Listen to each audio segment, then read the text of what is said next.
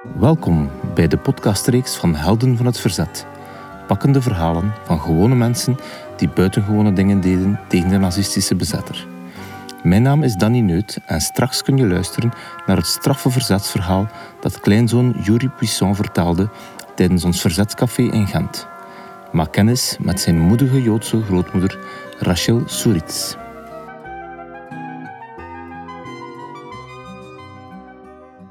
Toen ik aan mijn lief in de keuken zei dat ik hier het verhaal van Rachel ging brengen, mijn grootmoeder in het verzet, reageerde ze heel scherp. Ik word telkens kwaad als ik denk aan hoe dat ze de held uiting en, en de manier waarop dat ze met haar kinderen omging. Ik weet natuurlijk wat ze bedoelt. Mijn grootmoeder en mijn moeder hadden een heel verstoorde relatie. Mijn moeder twijfelde of ze wel graag gezien werd. Ze zat met vragen die ze nooit heeft durven stellen. En ik zat daar tussenin als kind. Daardoor heb ik met mijn grootmoeder nooit echt een heel dichte, innige band gehad. Wanneer ik aan haar denk, is dat vooral als uh, spin in het web op grote feesten met optredens en eten en uh, dansen en muziek. En zij druk in de weer. Rachel maakte zich graag nuttig. Iedereen kwam haar hartelijk begroeten. Ik bewonderde haar. Ik wist dat ze in het verzet gezeten had, maar ze heeft er nooit zelf iets over verteld tegen mij, over die verzetsjaren. Ik denk dat ze de kleinkinderen wou ontzien. Ze zei altijd dat we niet met het verleden moesten bezig zijn, maar met de toekomst.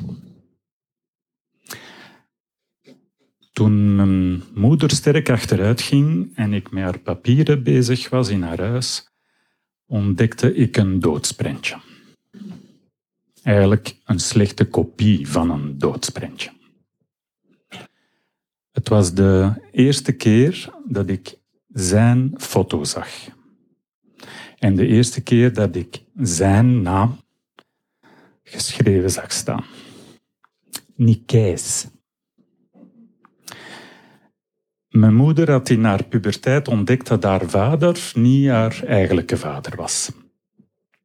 En ik had nu dus zijn doodsprentje in handen. Ik zag meteen het beeld van de oudere broer van mijn moeder. Een beer van een, uh, van een vent, twee meter. En mijn bompa, een klein manneke. Het is raar om te zeggen, maar toen pas drong het helemaal tot me door. Het was niet gewoon een verhaal. Nick had echt bestaan. En ik kon ook zaken over mijn familie opzoeken. Ik ben historicus van opleiding. Rachel was 22 jaar toen de nazi's binnenvielen. Ik moet eerst vertellen dat zij en Nick elkaar net voor de oorlog hadden leren kennen. Het moet dus een grote, sterke kerel zijn geweest. Onlangs las ik het allerlaatste interview dat Rachel gaf, waarin ze vertelt hoe stapelverliefd ze toen wel waren. Ondanks de omstandigheden zijn het bij de mooiste jaren uit haar leven. Ze vertelt hoe ze arm in arm door de straten van Antwerpen liepen met hun folders. Ik denk niet dat ze dat ooit op die manier tegen mijn moeder heeft verteld. Rachel en Nick hebben elkaar leren kennen op bijeenkomsten om vluchtelingen te helpen opvangen. Vluchtelingen uit Nazi-Duitsland verblijfplaatsen voor hen zoeken, steungelden ophalen, informatie verspreiden over hoe het er uh, aan toe gaat onder de nazi's. over het verzet daar. Daar waren ze dus voor de oorlog al mee bezig. Van de Nick vond ik terug dat hij Duitse vakbondsmensen in de Antwerpse haven in contact bracht, bracht met Duitse matrozen. Zo kregen ze informatie Nazi-Duitsland binnen. Maar toen de nazi's dan opeens binnenvielen, zijn ze natuurlijk op de vlucht geslagen. Zowat de helft van de bevolking is toen gevlucht. Van de held uithangen was toen echt geen sprake. Maar het werd niet voor niks een blitzkrieg genoemd. In de pannen werden ze door het Duitse leger ingehaald en die wouden al die vluchtelingen zo snel mogelijk uit uh, voeten en zetten iedereen direct op camions terug naar huis. Rachel verlaat dan het ouderlijk huis en gaat in de Zeefhoek wonen. De volkse wijk van dokwerkers en matrozen in Antwerpen. Tegen een historicus legt ze uit dat ze eigenlijk gewoon, zegt ze, Menique haar activiteiten verder zet. Maar nu onder de bezetting, illegaal. De eerste maanden wilden de nazi's vooral het normale leven herstellen. Doen denken dat allemaal wel meeviel. De eerste maatregelen tegen de Joden bijvoorbeeld kwamen er pas na vier maanden. Eerst het verbod op ritueel slachten. Maar dan komt alles in een stroomversnelling. Rachel, die bevalt van een zoon. Ze is dolgelukkig. Mama Rachel.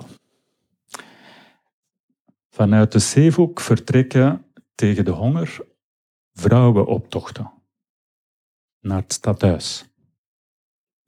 Daar zitten vooral zij en de Nick achter. Het is een succes. Het stadsbestuur komt de vrouwen onmiddellijk tegemoet.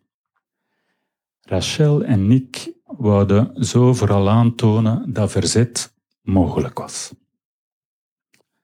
Ze weten dat het ergste nog moet komen. Met de kinderwagen vervoert ze onder het matras van haar zoon geld, rantsoenbonnen voor verzetsmensen, pamfletten. Haar baby is naar het beeld van zijn vader Nick, hongerig, onverzadigbaar. Eten vinden wordt een grote prioriteit, maar hij huilt veel, ook op momenten dat muis stil moet zijn. Wanneer ze met de luiken dicht pamfletten aan het stenselen zijn, bijvoorbeeld. In uh, de verlaten huizen van mensen die wel zijn kunnen vluchten. Ze weet niet altijd waar de Nick mee bezig is. Ze wil het ook niet weten. Hoe minder ze weet, hoe beter. Ze helpt waar ze kan. Maar Nick wordt dan opgepakt met acht makkers. Rachel is op, uh, op dat moment twee maanden zwanger van mijn moeder. Hij zit maanden vast, gemarteld en uiteindelijk terechtgesteld. Rachel moet een veiliger plek zoeken voor haar hongerig manneke van één jaar. De zus van Nick vangt hem op. Maar die blijkt zo van slag door het verlies van haar broer dat ze echt niet voor dat manneke kan zorgen. Natuurlijk wou ik dan weten hoe mijn grootmoeder in die verzetskringen terecht kwam. Mijn tante schrijft een boek over haar. Zij heeft na de oorlog wel wat verhalen opgevangen toen er thuis vrienden op bezoek waren. Toen Hitler in Duitsland aan de macht kwam, was Rachel 15 jaar. Het gezin Soritz woont in Antwerpen en heeft het moeilijk. Zij is de oudste van drie. Haar ouders hebben elkaar in Brussel, in Kuregem, Anderlecht, Kuregem, leren kennen. Hun families, Joden uit Oost-Europa, zochten daar een nieuwe toekomst. Rachel geniet van haar vakanties bij haar grootouders in Parijs. Maar haar vader en zijn familie in Antwerpen die zijn veel traditioneler. We hebben een prachtfoto van haar van bij de Joodse jeugdbeweging. Daar ging ze naartoe, tegen de wil van haar vader in. Meisjes, vrouwen horen bij een gezin, vond haar vader. Zij sloop s'avonds het huis uit. In dat Joods verenigingsleven heeft ze progressieve en linkse Joden leren kennen en die vindt ze veel boeiender dan haar ouders. Ze wringt zich steeds losser van haar vader, zeker wanneer ze haar middelbaar moet stoppen. Het gezin heeft hulp nodig, ze moet gaan werken. In Antwerpen komen steeds meer Joodse vluchtelingen toe, uit Duitsland en later ook uit Oostenrijk. In de gemeenschap gaan hun vreselijke verhalen de ronde. Buiten die gemeenschap gaan stemmen op dat te veel wordt. Die Joodse vluchtelingenstroom. Dat we het niet aankunnen. Het zijn ook niet de rijksten die blijven hangen. Wie kan, die trekt verder. Rachel wil zich nuttig maken. De politieke vluchtelingen, vakbondsmensen, socialisten, communisten, maken grote indruk op haar. Begint met broodjes smeren op bijeenkomsten en zo kwam Rachel in dat netwerk terecht. Mensen die samenwerken en op elkaar kunnen rekenen. En zo leerden ze de Nick kennen. Terug naar 1942, na de terechtstelling van Nick. Rachels broer Willy is 17 jaar. Hij mocht niet meer naar school. Aan Joden wordt geen geld verspild. Rachels vader mag zijn beroep niet meer uitoefenen. En toen werd Willy opgeroepen om zich te melden in de Dossin-kazerne. Om zich nuttig te maken. En te gaan werken. Hun vader, ondertussen financieel aan de grond, leende 11.000 frank om een collaborateur om te kopen in de hoop zijn zoon te redden. Tja. Rachel probeert de ganse nacht haar broer te overtuigen om zich niet te melden en onder te duiken. Met de hele familie. Haar familie heeft geen optie, maar zij heeft die wel. Zij heeft haar netwerk. Sinds het verlies van Nick wordt er voor haar ook geld opgehaald. Maar haar broer gelooft haar linkse prietpraat niet over de nazi's. Hij zou zijn familie niet in gevaar brengen. En de nazi's tonen dat Joodse mannen wel kunnen werken. Willy werd weggevoerd met zesde treinconvooi en we weten niet of hij 18 geworden is. Het is in, in die periode dat Rachel in mijn ogen echt iets buitengewoon deed. Ze vertellen het verschillende keren waar mijn tante en onkel bij waren. Als er iets is dat je uit mijn verhaal onthoudt, dan zou ik graag hebben dat dit is. Ook al klinkt het nauwelijks te geloven. Toen, ondanks haar angst, haar verdriet en haar woede, ging ze ervan uit dat de mensen die haar haten en vervolgden ook gewoon mensen waren. En daar redden haar leven. Rachel liep in een valstrik. Ze kon op de meer om voedselbonnen voor haar kinderen. Maar toen ze het gebouw binnenkwam, riep de man aan de deur: Jodien! Haar voorgevoel was dus toch juist: doe me toch. Om nog een kans te maken, vroeg ze om haar baby te kunnen ophalen die alleen thuis was en dringend eten moest hebben.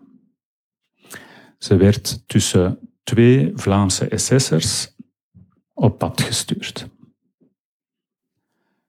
Rachel haalde alles uit de kast. Ze praten op en in, in het normaal Antwerps. Dat moesten zelfs die SS'ers toegeven. Ze was een knappe vrouw. Dat zal ook wel meegespeeld hebben. Je ziet toch dat ik geen vijand van de Vlamingen ben, zegt Rachel tegen. De baby die bleek natuurlijk niet op het appartement te zijn. Ah, waarschijnlijk opgehaald door mijn vriendin, zei ze. En dan was er nog de weg terug naar de meer. Allee, laat me toch vrij, probeerde ze verder. Laat me bij mijn kind zijn. Bij, bij de Vlaamse SS, dan, dan zijn jullie toch idealisten? Ze zong zelfs Tineke van Eulen, een schalksliedje uit die tijd. En de Vlaamse SS'ers lachten en uiteindelijk uh, zongen ze zelfs mee. In haar verhalen is ze pijnlijk eerlijk.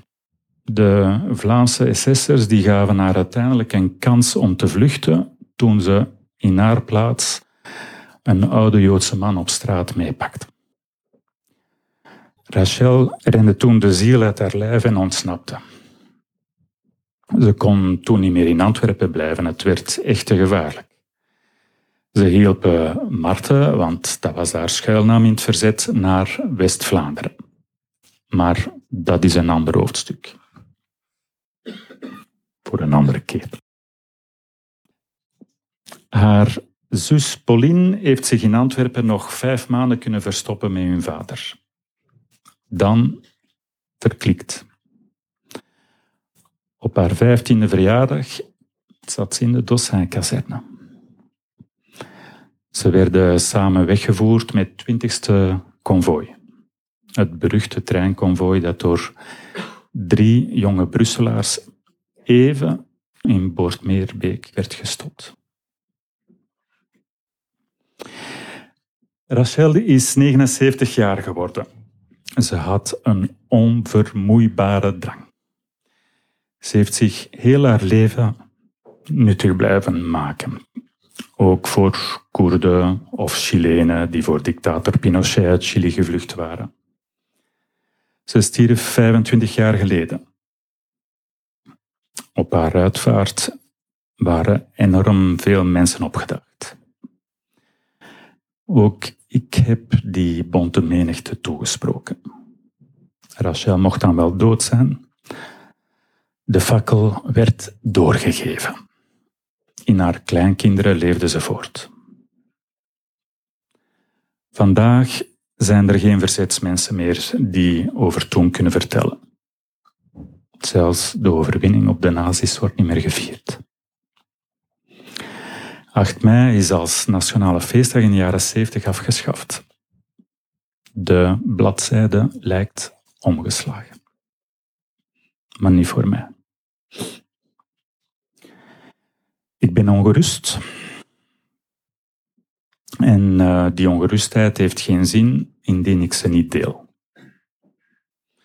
Je hoeft het niet met mij eens te zijn. Rachel Suritz is mijn heldin. Ik heb ook mijn vragen. De vragen van mijn moeder. Maar één ding weet ik heel zeker. Het juiste doen, dat was toen echt niet evident.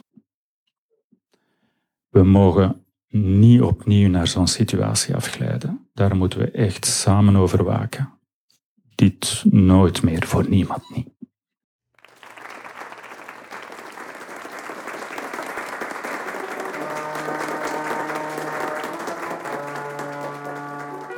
Dit was een podcast van Helden van het Verzet. Vindt ook jij het belangrijk dat de verhalen van onze verzetshelden niet vergeten worden? En wil je graag nog meer gratis verhalen horen het moedige verzet tegen de nazistische bezetter? Wel, dat kan met jouw financiële steun. Surf naar www.heldenvanhetverzet.be/steunen om de mogelijkheden te leren kennen. Je kunt nu alvast je steentje bijdragen door deze podcast te liken en te delen, zodat meer luisteraars de verzetsverhalen ontdekken. Bij het maken van deze podcast konden we op de steun van heel wat mensen rekenen. Dankjewel Relaas en Evita Nocent voor de hulp bij de storytelling. De productie die lag in de zeer deskundige handen van depodcastexpert.be. En dankzij Trefpunt en Mazereel van Schent verliep de organisatie van het Verzetscafé zo goed als vlekkeloos. En last but not least, een dikke, dikke merci aan Jurie Puissant, Tim van Steendam en de rest van de vrijwilligersploeg.